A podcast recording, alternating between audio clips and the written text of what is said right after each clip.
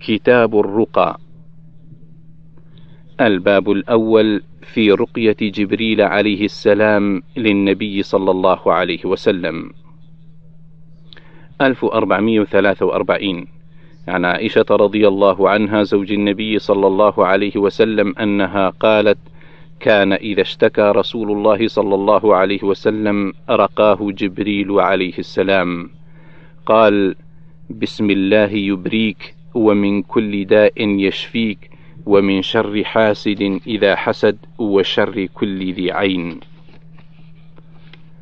1444 عن عبد العزيز بن صهيب عن أبي نضرة عن أبي سعيد رضي الله عنه أن جبريل عليه السلام أتى النبي صلى الله عليه وسلم فقال: يا محمد اشتكيت؟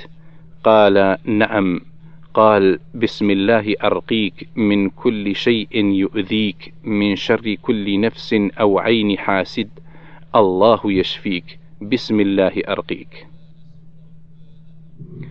الباب الثاني في السحر وسحر اليهود للنبي صلى الله عليه وسلم 1445 عن عائشة رضي الله عنها قالت: سحر رسول الله صلى الله عليه وسلم يهودي من يهود بني زريق يقال له لبيد بن الأعصم.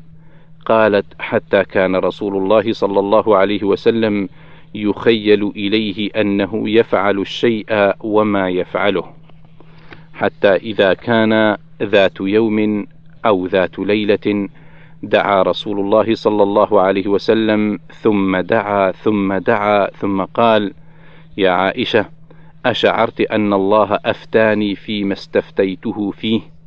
جاءني رجلان فقعد أحدهما عند رأسي والآخر عند رجلي. فقال الذي عند رأسي للذي عند رجلي أو الذي عند رجلي للذي عند رأسي. ما وجع الرجل؟ قال مطبوب. قال من طبه؟ قال لبيد بن الأعصم. قال في أي شيء؟ قال في مشط ومشاطة وجف طلعة ذكر. قال فأين هو؟ قال في بئر ذي أروان. قالت فأتاها رسول الله صلى الله عليه وسلم في أناس من أصحابه. ثم قال يا عائشة والله لكأن ماءها نقاعة الحناء ولكأن نخلها رؤوس الشياطين. قالت فقلت يا رسول الله أفلا أحرقته؟ قال لا أما أنا فقد عافاني الله وكرهت أن أثير على الناس شرا فأمرت بها فدفنت. أخرجه البخاري 5763 الباب الثالث القراءة على المريض بالمعوذات والنفث 1446 عن عائشة رضي الله عنها قالت: كان رسول الله صلى الله عليه وسلم إذا مرض أحد من أهله نفث عليه بالمعوذات، فلما مرض مرضه الذي مات فيه جعلت أنفث عليه وأمسحه بيد نفسه، لأنها كانت أعظم بركة من يدي. أخرجه البخاري 5016 الباب الرابع الرقية بسم الله والتعويذ.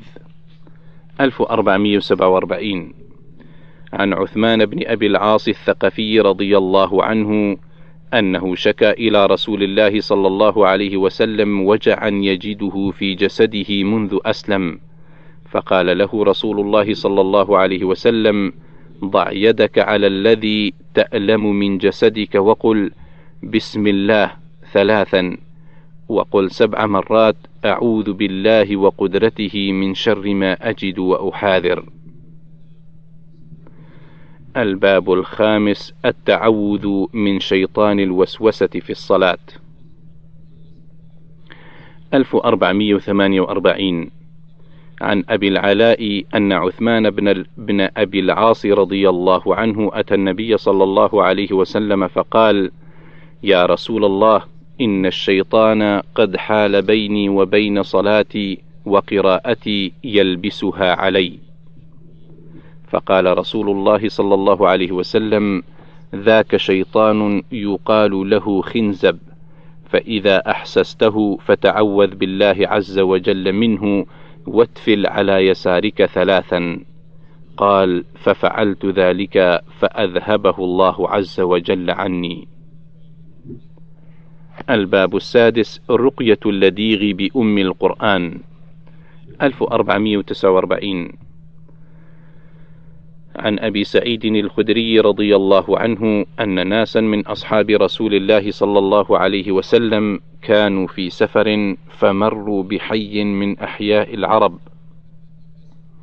فاستضافوهم فلم يضيفوهم فقالوا لهم هل فيكم راق؟ فإن سيد الحي لديغ أو مصاب. فقال رجل منهم نعم. فأتاه فرقاه بفاتحة الكتاب فبرأ الرجل فأعطي قطيعا من غنم فأبى أن يقبلها وقال حتى أذكر ذلك لرسول الله صلى الله عليه وسلم.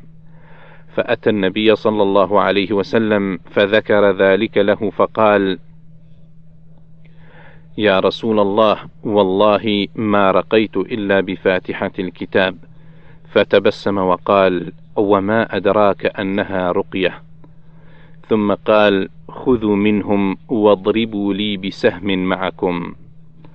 أخرجه البخاري 2276 الباب السابع في الرقية من كل ذي حمى. 1450 عن الأسود قال سألت عائشة رضي الله عنها عن الرقية فقالت رخص رسول الله صلى الله عليه وسلم لأهل بيت من الأنصار في الرقية من كل ذي حمى.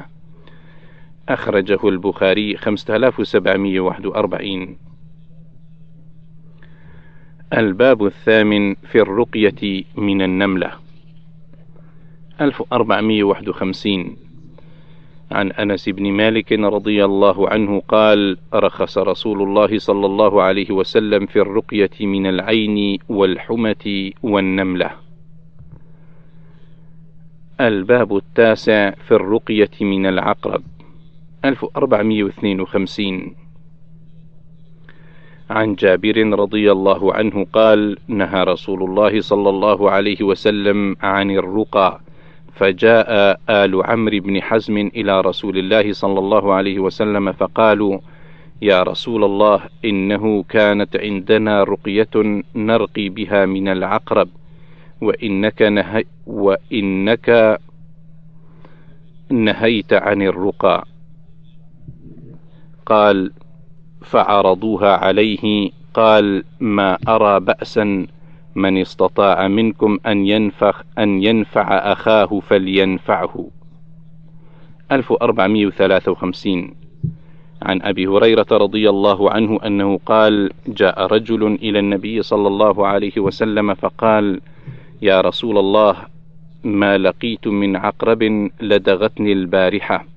قال أما لو قلت حين أمسيت أعوذ بكلمات الله التامات من شر ما خلق لم تضرك.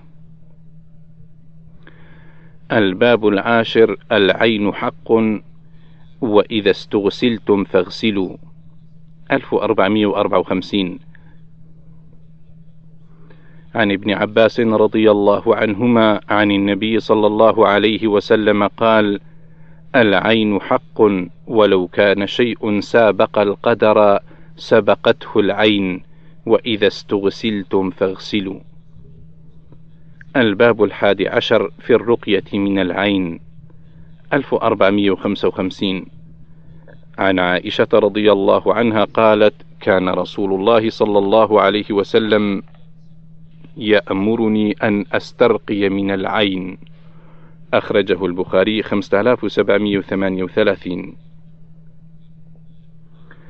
1456 عن جابر بن عبد الله رضي الله عنهما قال رخص رسول الله صلى الله عليه وسلم لآل حزم في رقية الحية. وقال لأسماء بنت عميس ما لي أرى أجسام بني أخي ضارعة بني أخي ضارعة تصيبهم الحاجة.